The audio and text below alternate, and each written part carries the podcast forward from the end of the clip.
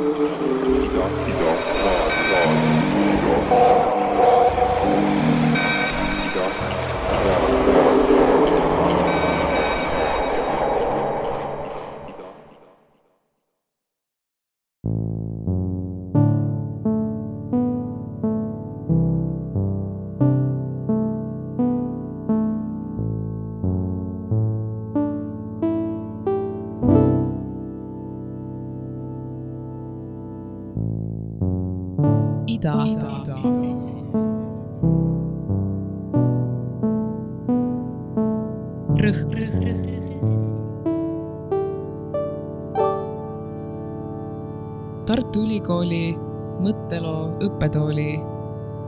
Lühiloeng. tere siis minu poolt. mina olen Margo ja kõikide muude tegemiste kõrvalt olen ma ka mitmeid aastaid juba uurinud Eesti ajalugu kahekümnenda sajandi alguses. täpsemalt siis poliitiliste ideoloogiate levikut ja, ja poliitiliste ideede kujunemist, muutumist, arengut. ja mida rohkem sellega tegeleda, siis seda rohkem olen ma nagu hakanud mõtlema ka, ka ajaloo uurimisega seotud metodoloogilistele küsimustele. ehk siis küsimustele sellest, et kuidas ajalugu uuritakse või, või kuidas seda tuleks uurida. Ja seejuures ei ole küsimus selles, et, et kas ajalugu on võimalik uurida teisisõnu, ma ei, ma ei sea kuidagi kahtluse alla seda, et, et teaduslik ajaloo uurimine on, on võimalik, vastupidi.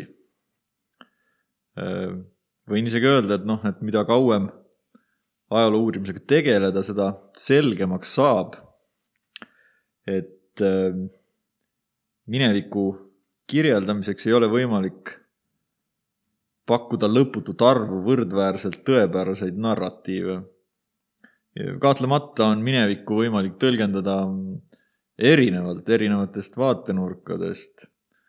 aga, aga ajaloolane peaks siiski püüdma allikatele toetudes välja selgitada nii-öelda, nii-öelda ajaloolist tõde, isegi kui see ei ole nagu absoluutselt ja, ja täielikult või, või igakülgselt võimalik. aga sellise ideaalina võiks see ikkagi olla, ikkagi olla sõnastatud, jah. aga mis siis, mis siis on see küsimus, küsimusi tekitab hoopis, küsimusi tekitab hoopis see, et kuidas, kuidas sõnastada mingit uurimisküsimust, kuidas, kuidas üldse alustada uurimistööga, kuidas läheneda sellele nii-öelda mineviku materjalile. Ja noh, ülikooli vastavatel ainekursustel tavaliselt kirjeldatakse seda protsessi umbes nii, et, et äh, üliõpilane kõigepealt valib teda nii-öelda huvitava teema ja, ja siis loeb, loeb läbi vastaval teemal öö, äh, avaldatud kirjanduse ja siis peaks nagu püstitama uurimisküsimuse ja eriti hea oleks, kui see uurimisküsimus oleks selline, millele nagu mm, kirjanduses ei ole seni vastust antud, et justkui mingi küsimus on lahendamata seni. ja siis vot ajaloolane tuleb ja, ja, ja nüüd uuesti küsib selle küsimuse ja, ja, ja otsib sellele vastust. Ja siis järgnevalt muidugi peakski siis Äh, sellele küsimusele vastuse, vastuse leidmiseks siis läbi töötama vastavad allikad ja, ja siis nende põhjal siis andma sellele küsimusele vastuse. ja võib-olla, võib-olla ongi niimoodi võimalik nendele küsimustele vastata. aga minu kogemus ütleb, et tihtipeale, tihtipeale ei ole. Et need allikad noh, olgu nendeks siis mingisugused arhiividokumendid või, või mingisugused äh, muud mm, institutsioonidest äh, tulnud materjalid, kasvõi mingite isikute kirjavahetus, et, et need vastused äh, ei ole nendest allikatest tihtipeale nii selgesti kohe tuletatavad või noh, teisisõnu öeldes, need allikad nagu ei anna vastust sellele uurimisküsimusele. sest need on teistsugusel eesmärgil loodud, need, nende loomisel ei olnud eesmärgiks, eks ole, anda vastust teatud hilisematele uurimisküsimustele. nüüd, kui rääkida näiteks poliitilise mõtteajaloo uurimisest, siis tavaliselt on sellisel juhul allikateks mingit laadi poliitilised tekstid. aga need poliitilised tekstid on loodud mingil muul eesmärgil. Nende poliitiliste tekstide autorid võivad omavahel vaielda või pakkuda vastuseid või lahendusi mingitele tol ajal see siis, see tähendab tekstide kirjutamise ajal üles kerkinud probleemidele. ja nende, nende probleemide kohta ei või, ei pruugi ajaloolane esialgu üldse osata uurimisküsimust esitadagi. seega minu soovitus oleks tegelikult hoopis selline, et, et kui näiteks üliõp-, üliõpilane siis leiab endale meelepärase teema ja tutvub ka seda, seda teemat või seda perioodi käsitleva sekundaarkirjandusega, siis pärast seda võiks kohe asuda kõige olulisemate allikate juurde. näiteks poliitilise mõtte ajaloo uurimise puhul siis võiks kohe hakata lugema neid vastava perioodi poliitilisi tekste. ja siis nende tekstide lugemise käigus tõenäoliselt hakkab see pilt selgemaks saama, et, et mis olid need, need probleemid ja küsimused, mida need autorid oma tekstides üldse proovisid lahendada. ja siis selle kaudu saab ka sõnastada need konkreetsed uurimisküsimused ja siis võib loomulikult kaasata uusi allikaid, uusi tekste ja, ja, ja, ja selle kaudu siis lõpuks ammendavalt, vähemalt proovida ammendavalt käsitleda mingit, mingit teemat. aga nüüd, kui ma olen selle nii-öelda väikse metodoloogilise ekskursi siin läbinud, siis ma ikkagi liiguksin lähemale tänase teema juurde. ja ma tahaksin täna rääkida mõningatest olemuslikest joontest, mis olid iseloomulikud Eesti vasakpoolsele poliitilisele mõttele kahekümnenda sajandi alguses kindlasti ei ole ka. kahekümne sajandi alguse vasakpoolse poliitilise mõtte kujunemisega seotud küsimused veel. Ammendavalt käsitletud. ja mind esialgu huvitas selle teema puhul just maaküsimuse ja rahvuslusega seotud temaatika konkreetsemalt siis perioodil tuhat üheksasada viis kuni tuhat üheksasada seitseteist. aga mida rohkem ma selle perioodi tekstides, nendes poliitilistes tekstides, mis siis avaldati, mida rohkem ma neist tuhnisin, seda rohkem hakkas mulle huvi pakkuma ka küsimus, et kuidas sel perioodil üldse Eestis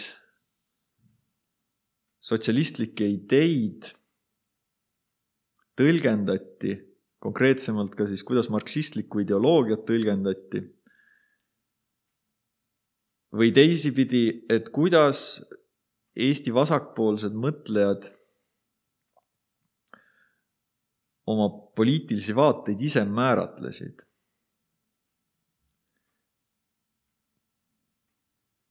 ja küsimus on mitmes mõttes ka nii-öelda pikemas, pikemas ajaskaalas tähtis. esiteks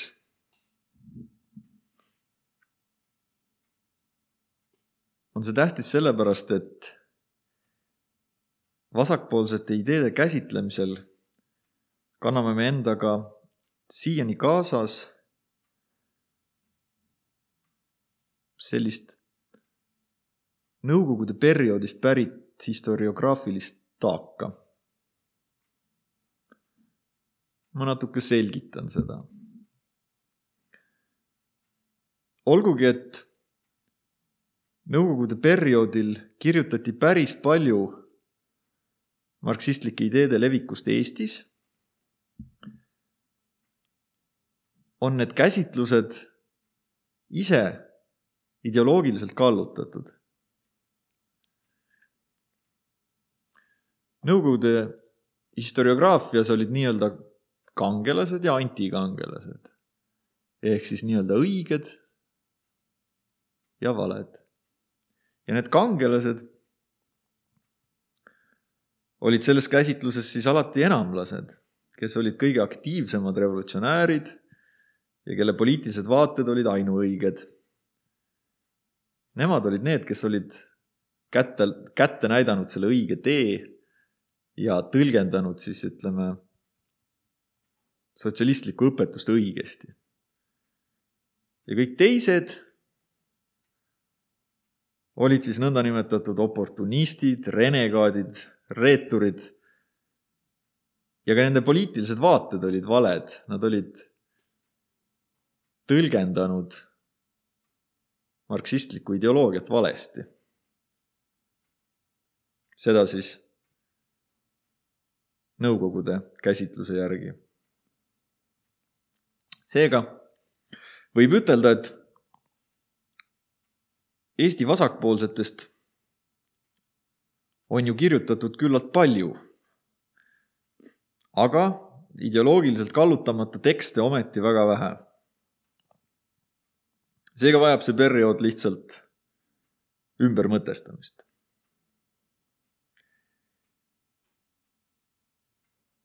teiseks on küsimus tähtis ka selle tõttu, et, et just vasakpoolsed parteid saavutasid tuhande üheksasaja üheksateistkümnenda aasta Eesti Asutava Kogu valimistel võidu ja moodustasid enamusega Asutavas Kogus.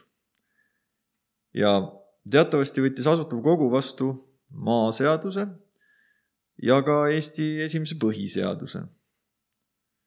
ja noh, need mõlemad seadused olid väga, väga olulised seadused tulevase vabariigi jaoks.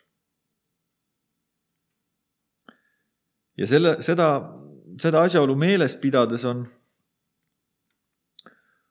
on, on, on tähtis mõista, et millised olid need hilisemate Asutava Kogu liikmete poliitilised vaated sellel perioodil, mis eelnes tuhande üheksasaja seitsmeteistkümnendale aastale, eelnes Eesti Vabariigi väljakuulutamisele ja, ja eelnes siis, eks ole, sellele Asutava Kogu tööle.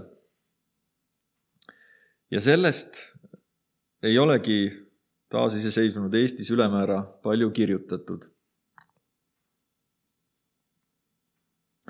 Aga ma kordan jah, et, et need konkreetsemad uurimisküsimused kujunesid alles öö, tolle aja siis kahekümnenda sajandi alguse poliitiliste tekstide lugemise käigus. ja üks üks asi, mida ma märkasin, oli siis see, et tuhande üheksasaja viiendal aastal järgnenud aastatel puhkesid noh, avalikus kirjasõnas päris tulised vaidlused, et, et kuidas siis ikkagi tuleks marksismi tõlgendada.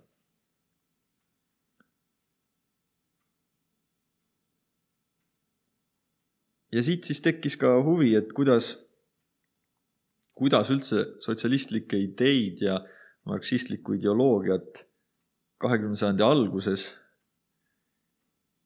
Eesti alal Eesti lugejale tutvustati.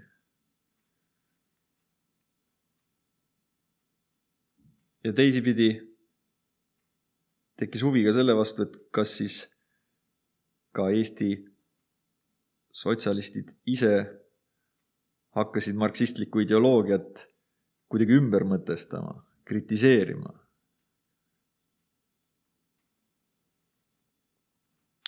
ja enne veel, kui ma, kui ma neid küsimusi ülevaatlikult siin öö, käsitlen Mm, võiks mõne sõnaga ka rääkida nendest mõistetest, mida tol ajal kasutati ja, ja mida ka mina siin täna kasutan. ja seda sellepärast, et, et mitmed mõisted, mitmed vasakpoolse maailmavaatega seotud mõisted on kasutuses ka tänapäeval, aga tol perioodil kahekümnenda sajandi alguses oli neil mõneti teistsugune tähendus. ja ja noh, kui üldsegi määratleda selle tänase teema ulatust, siis noh, on selge, et see vasakpoolne poliitiline mõte või vasakpoolne poliitiline maailmavaade on, on mingi üldmõiste, mis hõlmab tegelikult erinevaid noh, kitsamaid poliitilisi suundi.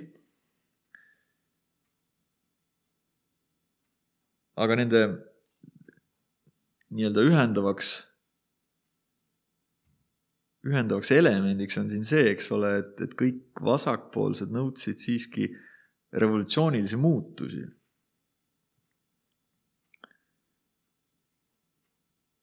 ja teine üldmõiste mida kasutan, on, on mõiste sotsialistid ja sotsialism.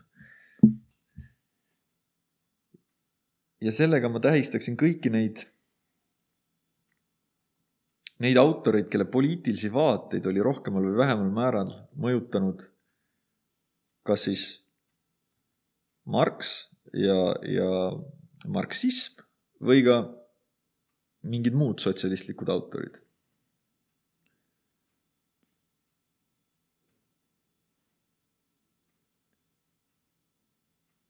Ehk siis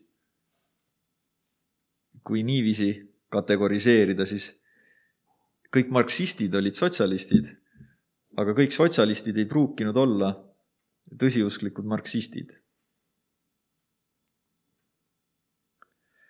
nüüd mõiste sotsiaaldemokraatia või sotsiaaldemokraat, mis on ka tänapäeval õige laialt kasutuses, omas tol ajal veidi radikaalsemat tähendust.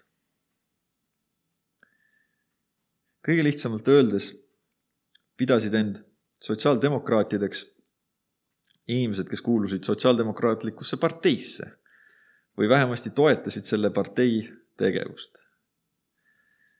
kõige mõjukam sotsiaaldemokraatlik partei oli tol perioodil Saksamaa Sotsiaaldemokraatlik partei. Eestis tegutses tuhande üheksasaja viiendal aastal Eesti Sotsiaaldemokraatlik Tööliste Ühisus ja Venemaa Sotsiaaldemokraatlik Tööliste Partei.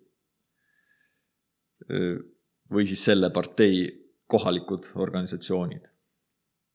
ja see viimane siis teatavasti lõhenes omakorda enamlasteks ja vähemlasteks ja siit ka siis, siis need, need mõisted.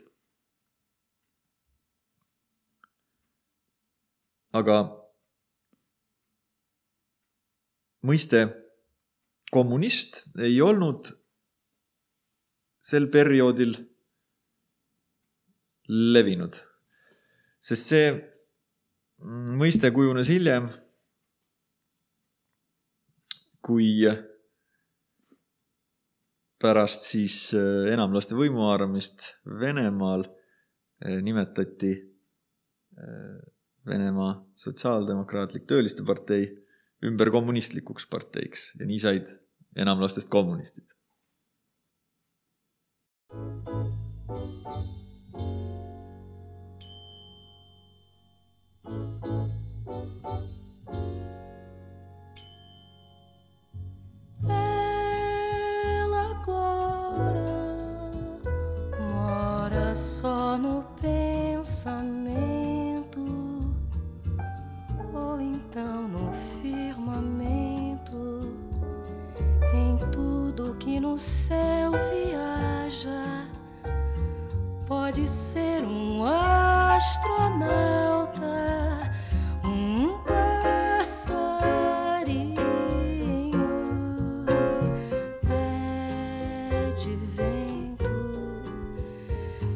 pipa de papel de seda, quem sabe um balancinho, ou está num asteroide na estrela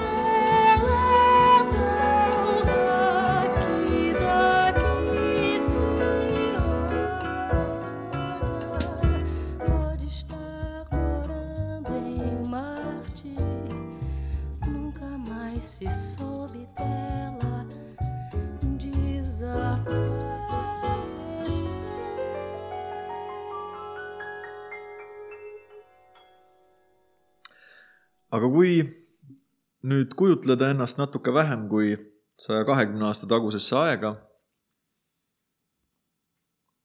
kahekümnenda sajandi algusesse, siis mis olid need, need aspektid, mis olid iseloomulikud vasakpoolsele mõttele Eesti alal? esiteks oli sotsialismi näol tegemist uue ja huvitava ideoloogiaga. see oli nooruslik ideoloogia, selles oli teatud salapära ja, ja romantikat. ja ma usun, et kui me mõtleme, kuidas tänapäeval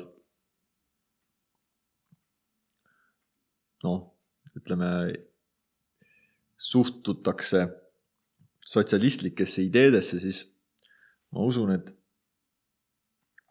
päris, päris mitmed Eesti inimesed ütleksid, et, et nende ideede koht on küll ajaloo prügikastis. nagu see mõiste vahepeal on kasutusse, kasutusse jõudnud. aga tol ajal, peaaegu sada kakskümmend aastat tagasi, olid sotsialistid idealistid ja lootsid tõepoolest maailma muuta. näiteks, näiteks Eesti sotsiaaldemokraat Marta Lepp on värvikalt kirjeldanud, kuivõrd teda just tõmbas kaasa see, see põnev ja salajane revolutsiooniline liikumine, see võitlus parema tuleviku eest, mille lõppeesmärk oli vabadus, ükskõik kui, kui abstraktselt see nagu kõlab. aga need ideelised noored, kes sellega kaasa läksid, nad siiski uskusid sellesse eesmärki. seega tolle aja vasakpoolse mõtte üheks kõige iseloomulikumaks jooneks oligi see, et see oli midagi uut, mis suutis haarata noori idealiste. kuigi võis ka juhtuda nii, et need, need noored sotsialistliku liikumisega kaasa läinud inimesed tegelikult selle ideoloogia no ütleme, teoreetilisemaid seisukohti üldse ei tundnudki. aga kuidas saigi üldse, ütleme, Eesti inimene tol ajal tutvuda sotsialistliku ideoloogiaga lähemalt? Ühest küljest olid sotsialistlikud ideed küll levinud Eestis juba üheksateistkümnenda sajandi lõpus, aga samas oli eestikeelset sotsialistlikku kirjandust ju väga vähe. peamiselt tutvuti sotsialistlike ideedega ja marksismiga peamiselt ikkagi saksa ja venekeelse kirjanduse vahendusel. Tuleb meeles pidada, et, et Vene tsaaririigis kehtis kuni tuhande üheksasaja viienda aastani eeltsensuur, mis tähendas seda, et kõik trükki minevad tekstid käisid tsensori juurest läbi, kes siis vastavalt vaatas, kas, kas need on avaldamiseks kõlbulikud, ega seal ei ole midagi riigivastast. Ja seega on selge, et, et mitmed sellised revolutsioonilised tekstid ei olekski saanud sellel ajal ilmuda. ja ka võõrkeelset marksistlikku kirjandust toodi salaja üle piiri ja levitati tegelikult käest kätte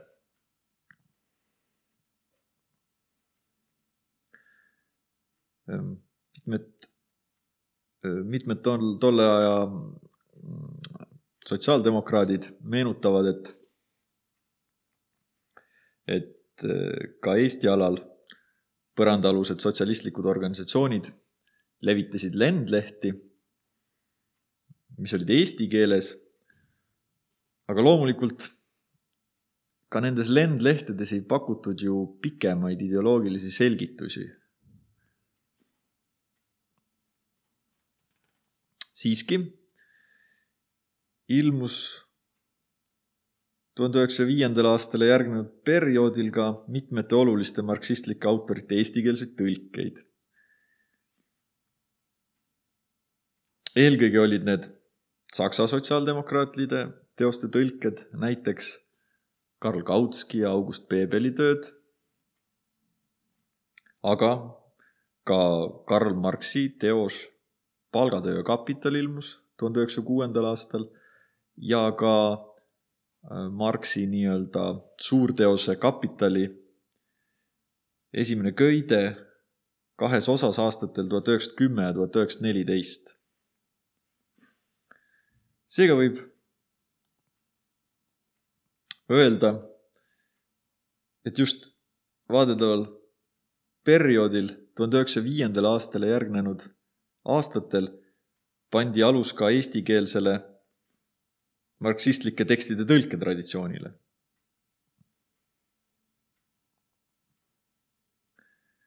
seejuures oli iseloomulik, et ideoloogilisteks autoriteetideks olid Eesti sotsialistide seas eelkõige Saksa sotsiaaldemokraatlikud autorid just nende töid peeti vajalikuks tõlkida eesti keelde, et ka Eesti lugejad saaksid nende ideedega vahetult tutvuda.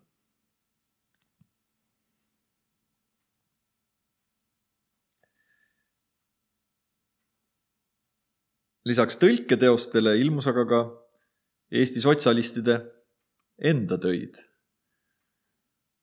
kus nad proovisid lihtsas keeles edasi anda marksistlikke põhitõdesid ja sotsialistlikku õpetust. seetõttu võib küsida, et kuidas siis tutvustati tolleaegsele Eesti lugejale marksistlikku ideoloogiat. ja siinkohal võib, võib öelda, et nendes tekstides ilmneb teatud vastuolu. Ühest küljest esitati tol perioodil marksismi kui teadust. see teadus oli avastanud ühiskondliku arengu seaduspärasused ning nende seaduspärasuste põhjal oli ühiskondliku arengu paratamatu tagajärg see, et töölisklass haarab ühel päeval riigis võimu. Näiteks ühes tuhande üheksasaja seitsmendal aastal avaldatud raamatus tutvustati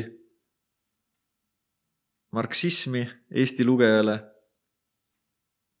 järgmiselt. tsiteerin seltskonnas valitsevad sisemised jõud sunnivad praeguse aja ühiselulist korda sinnapoole liikuma, kus sotsialistline kord maksma hakkab.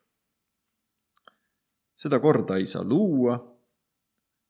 ka ei ole ta inimeste tahtmistest ehk mõistusest ära rippuv, sest need jõud, mis ühiselulist edenemist määravad, käivad nii samasuguste vääramata seaduste järele nagu looduses valitsevad jõudki. tsitaadi lõpp.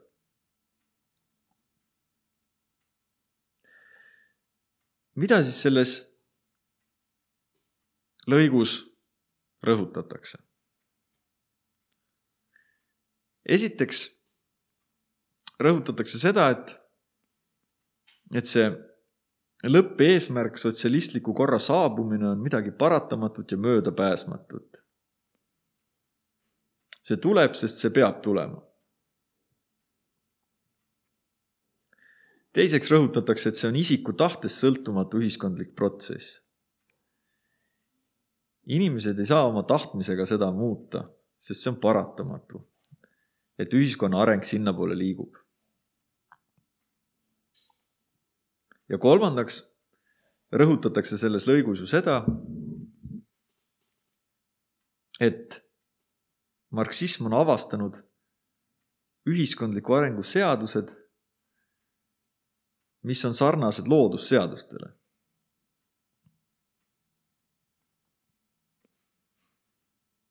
Ja kuigi selles, selles konkreetses lõigus seda nii hästi välja ei tule, siis rõhutati lugejale ka seda, et selle sotsialistliku korra saabumine saab olla ikkagi ainult töölisklassi teene.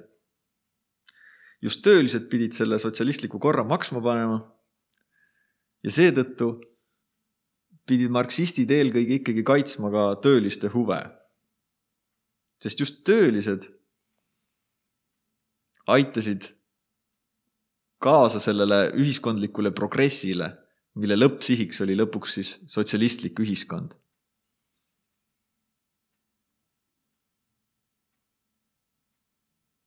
nüüd teisest küljest leiame me tekstides ka natuke teistsuguse, teistsuguse tonaalsusega mm, väiteid nii selgitati marksismi ka kui õpetust, mis kaitseb kõikide rõhutute õigusi nii maal kui ka linnas. seega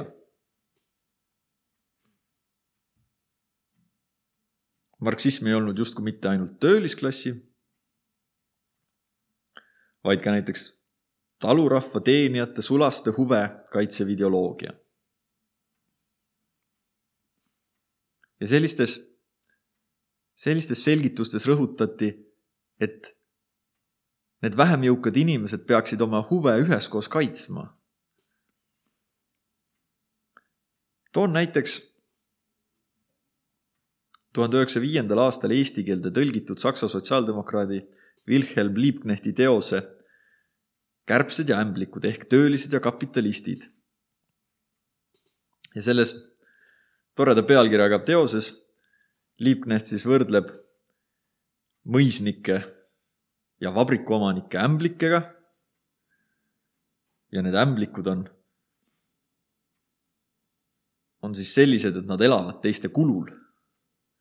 seevastu kärbsed on töölised, põllumehed ja üldse vaesem elanikkond. ja just neid siis need kapitalistid kurnavad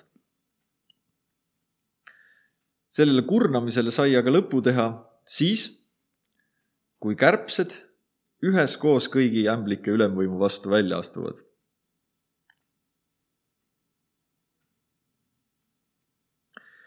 sellise tõlgenduse järgi ei olnud marksism mitte üksnes tööliste ideoloogia, vaid pakkus lootust ka kõikidele vaesematele inimestele, kelle elu oli raske ja vaevarikas. aga paraneda sai nende elu üksnes siis, kui nad kõik koos nende huvide kaitseks välja astusid. seega sellisel tõlgendusel, sellise tõlgenduse järgi oli ka inimeste aktiivne, aktiivne tegevus oluline selleks, et tuua kaasa mingit ühiskondlikku muutust. sotsialismi saabumine ei olnud paratamatu ja möödapääsmatu sündmus, vaid selle saabumiseks tuli ka aktiivselt võidelda.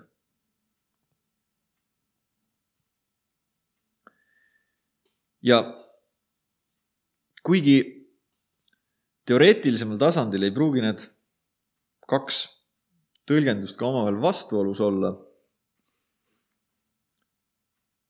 sest võib ka ju, võib ka ju nii selgitada, et, et ühiskondlikud protsessid viivadki selleni, et teatud ühiskondlikud grupid peavadki aktiivselt oma õiguste kaitseks välja astuma, siis lihtsale Eesti inimesele võisid need ikkagi mm, jätta marksismist veidi vastandliku mulje.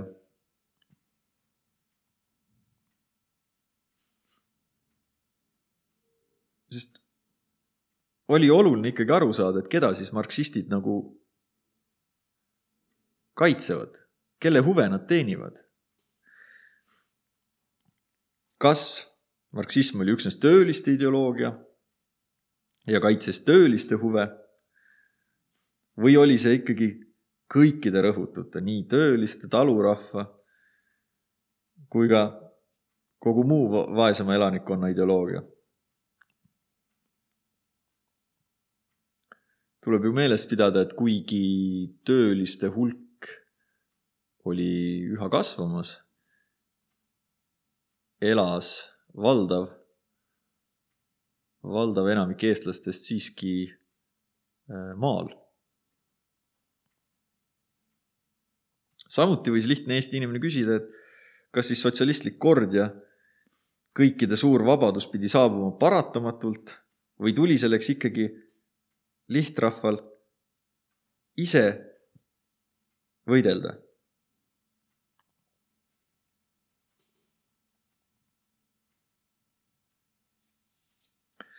üheks oluliseks Eesti vasakpoolse mõtte iseloomulikuks jooneks oli ka rahvuslus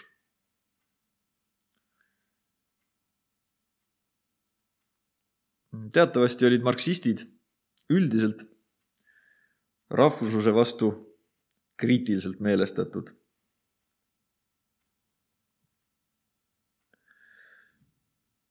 aga näiteks Eesti Sotsiaaldemokraatlik ajaleht Uudised kinnitas korduvalt, et sotsiaaldemokraatlik ideoloogia on kooskõlas eestlaste rahvuslike eesmärkidega. ajaleht võitles enda sõnul igasuguse rõhumise vastu sealhulgas ka rahvusliku rõhumise vastu. Ja uudiste peatoimetaja Peeter Speek on ka hiljem meenutanud, et ta ei olnud kunagi Marxi internatsionalismi ehk siis nii-öelda rahvusülesuse pooldaja. seega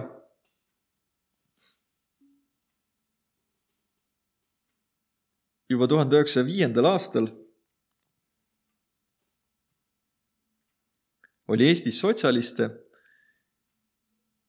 kes olid selgelt mõjutatud marksistlikest ideedest, aga ometi tõlgendasid neid vastavalt kohalikele oludele, muutsid neid veidi vastavalt Balti kubermangude kohalikele probleemidele.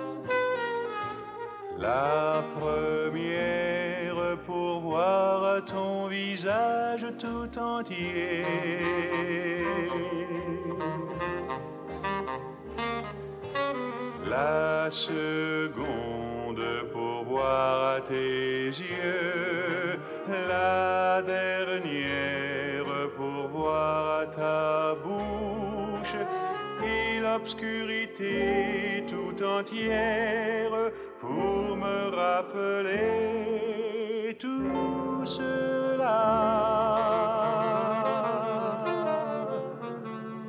En te serrant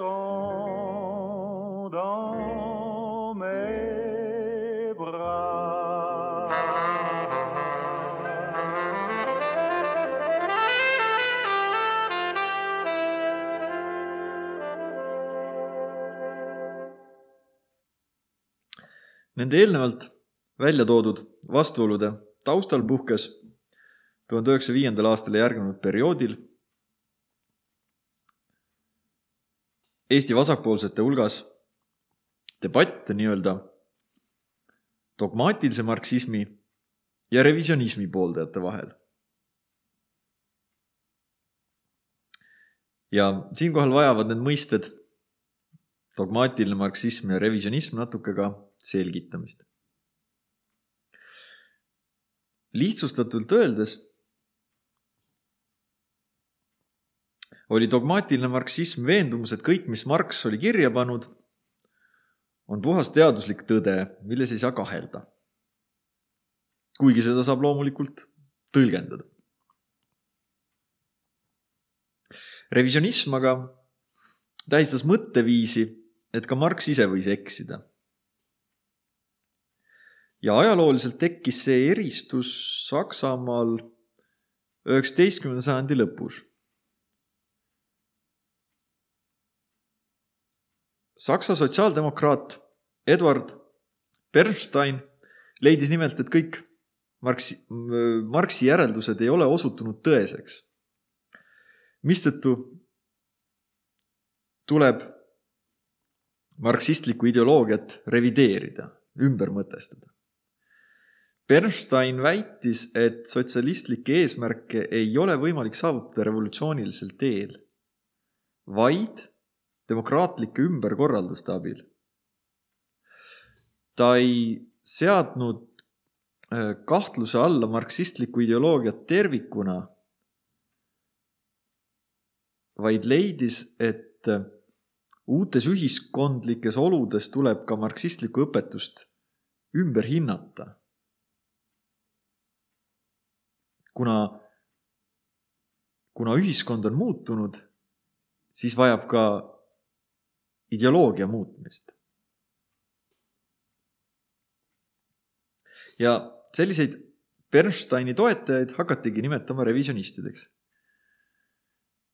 teisi sotsiaaldemokraate, kes endiselt jäid truuks seni kehtinud marksistlikele dogmadele, aga hakatigi nimetama ortodokseteks marksistideks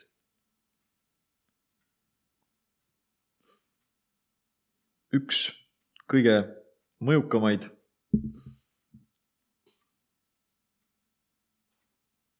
ortodokseid marksiste oli Saksa sotsiaaldemokraat Karl Kautski.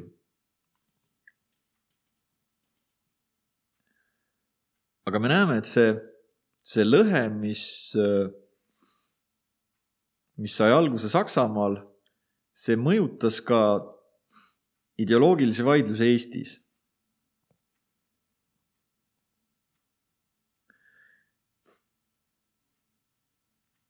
Eestis kritiseerisid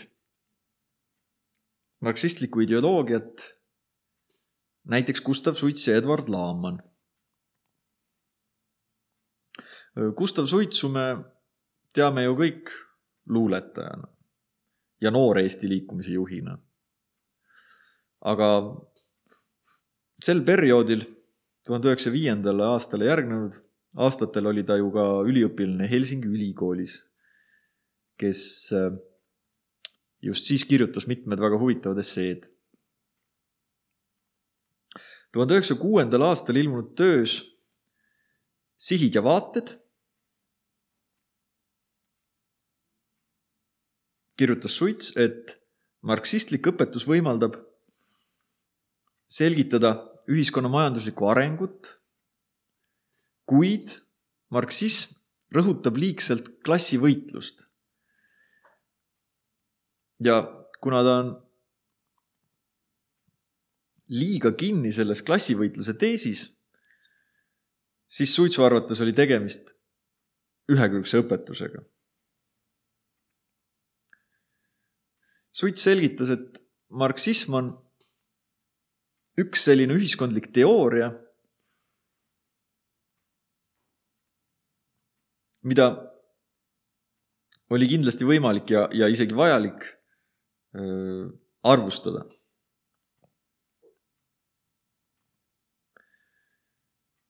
tuhande üheksasaja, tuhande üheksasaja seitsmendal aastal peetud kõnes Kultuur ja poliitika heitis Suits nii Eesti sotsialistidele kui marksistidele ette liigset ideoloogilist jäikust ning kultuurilist madaldumist.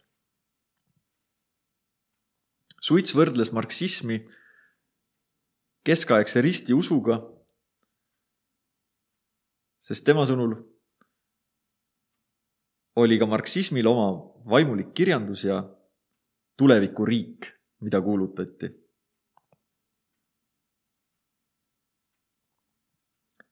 ja selliste suitsuvaadete puhul ei ole tegemist lihtsalt enam marksistliku ideoloogia tõlgendamisega, vaid siin on selgelt tegemist kriitikaga marksistliku ideoloogia suunas.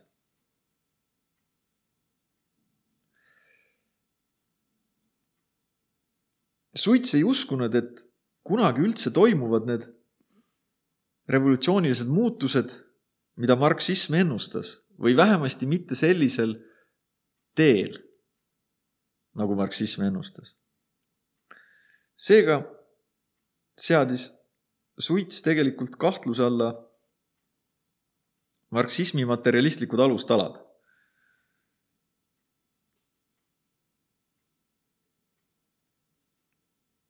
sarnaselt suitsuga kritiseeris marksismi ka Eduard Laaman, hilisem poliitik ja ajakirjanik, kes sel ajal õppis Peterburi ülikoolis.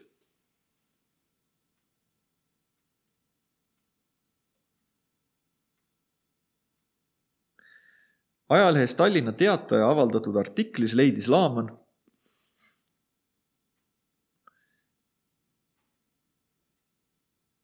et ka kapitalistlikul ajajärgul vajas inimene omamoodi lunastust. ja Laaman väitis väga teravmeelselt, et, et just marksism pakkuski inimestele seda lunastust. Laamani sõnul panid marksistid kõik lootused lõppsihile, mis pidi hüvitama kõik sellele eelnevad kannatused.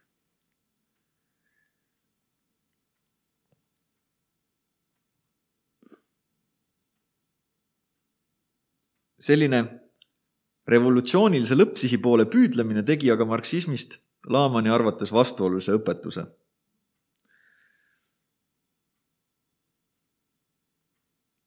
Laaman seadis tervikuna kahtluse alla väite, et, et marksism on üldse teaduslik õpetus.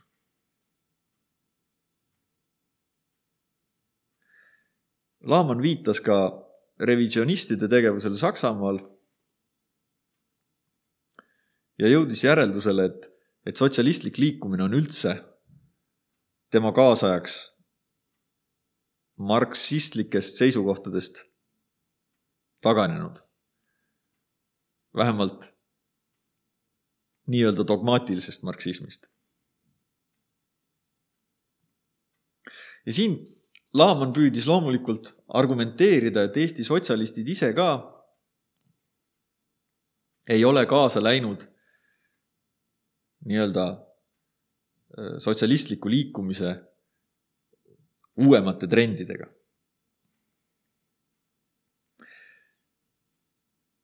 seega, nagu me näeme, võrdlesid nii Suits kui ka Laaman marksismi religioosse õpetusega. sest marksism kuulutus tulevikuriiki ja esitas dogmaatilisi väiteid, mis ei olnud lõpuni tõestatavad. suitsu häiris eelkõige see, kuidas marksism püüdis ühiskonna kultuurilisi saavutusi ja kunstiloomingut taandada materialistlikele algpõhjustele.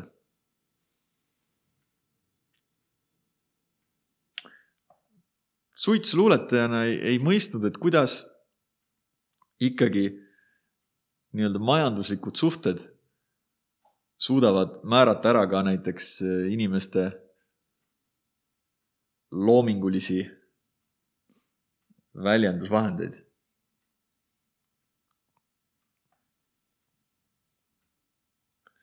Laaman aga naeruvääristas eelkõige väidet, et marksism on teaduslik õpetus.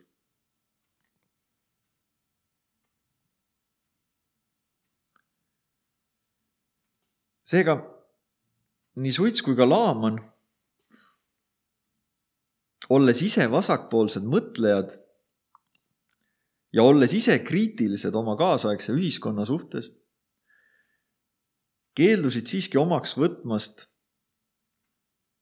marksistliku ideoloogia järeldusi, sest need tundusid neile liialt ühekülgsed.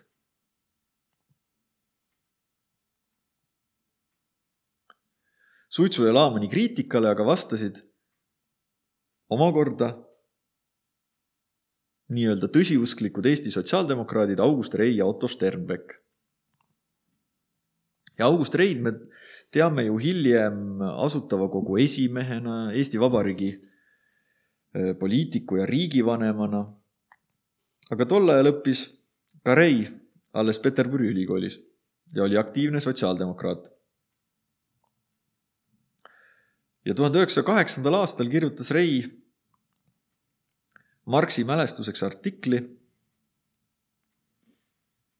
kus rõhutas, et marksistlik ideoloogia püsib selle järeldused on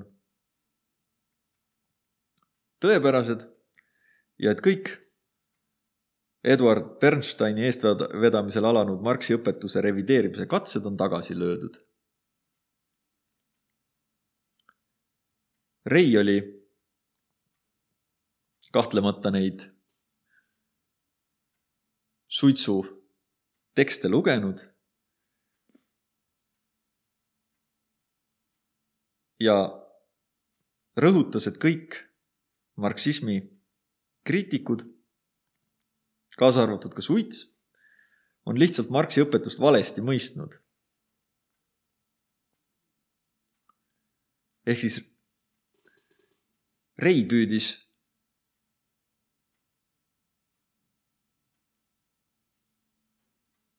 juba see, sellega, selle kriitika summutada et ta väitis, et kõik need kriitikud ei suuda lihtsalt Marxi õpetust õigesti tõlgendada.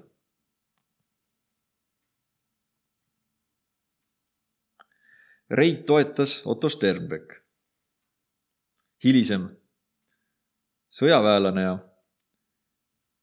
ja ka Eesti Vabariigi poliitik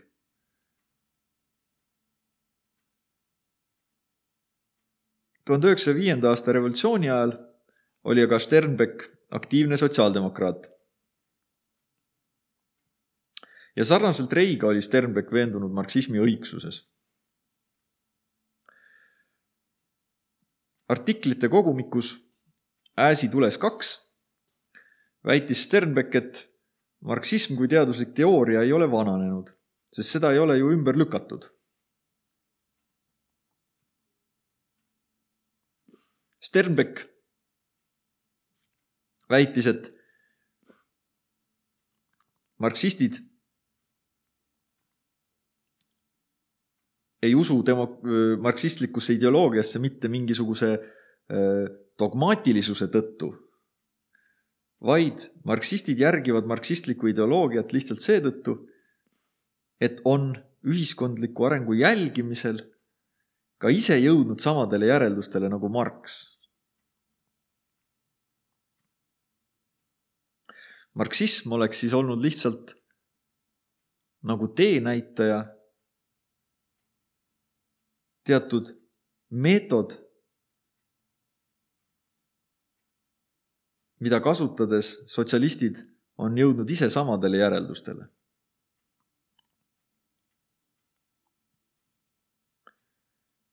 Sternbeck oli kindel, et marksistlik teooria kasvab välja elu tegelikkusest.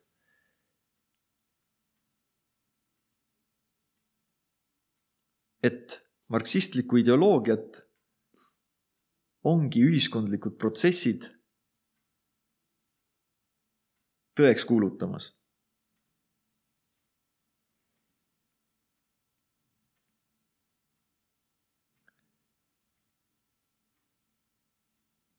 Sternbecki arvates oli marksistlik tuleviku ideaal ehk siis see sotsialistliku korra saabumine reaalne ja paratamatu ühiskondlike protsesside tagajärg.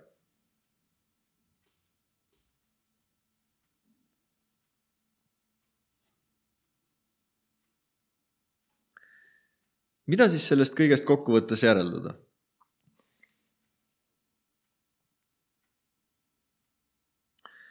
kahekümnenda sajandi algus oli periood, kus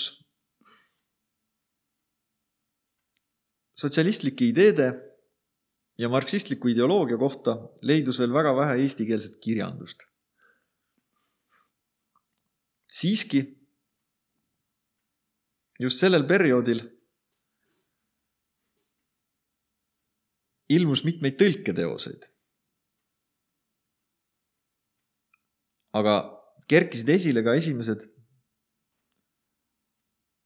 tunnustatud autoriteedid Eesti sotsialistide seas, kes ise hakkasid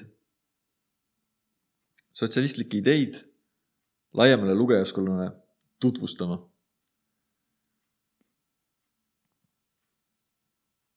see aga tõigi kaasa debatid, kuidas täpselt neid ideid tõlgendada.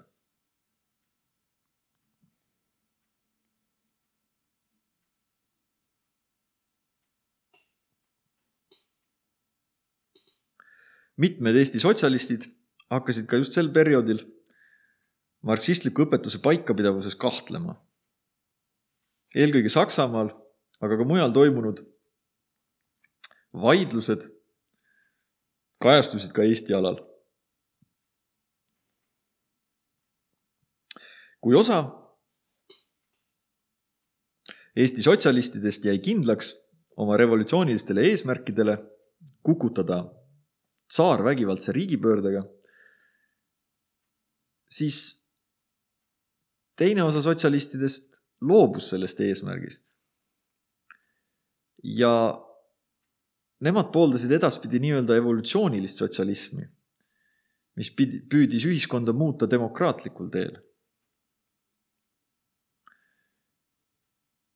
ja sellisele teele asunud sotsialistlikud parteid muutusid tuhande üheksasaja kahekümnendatel aastatel tavalisteks parlamendiparteideks.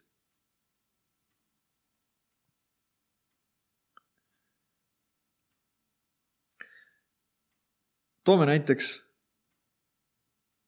taaskord Edward Laamani. Laaman oli hiljem Eesti Tööerakonna liige. ja kuigi Tööerakond tõi esile kapitalistliku ühiskonnakorra puudused, nõudis erakond sotsiaalse pöörde läbiviimist evolutsioonilisel teel. just Tööerakonnast kujunes Eesti Vabariigi algusaegadel mõõdukat revisjonistlikku sotsialismi pooldav mõjukas poliitiline partei, mis tõepoolest hiljem küll vähehaaval sotsialistlikest ideedest üldse eemaldus.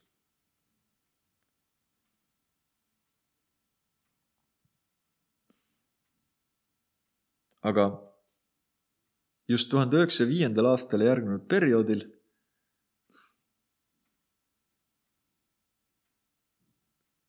toimusid need mõttevahetused, mille tagajärjel moodustusid tuhande üheksasaja seitsmeteistkümnendaks aastaks erinevad sotsialistlikud või vähemasti sotsialistlikest ideedest mõjutatud poliitilised parteid Eestis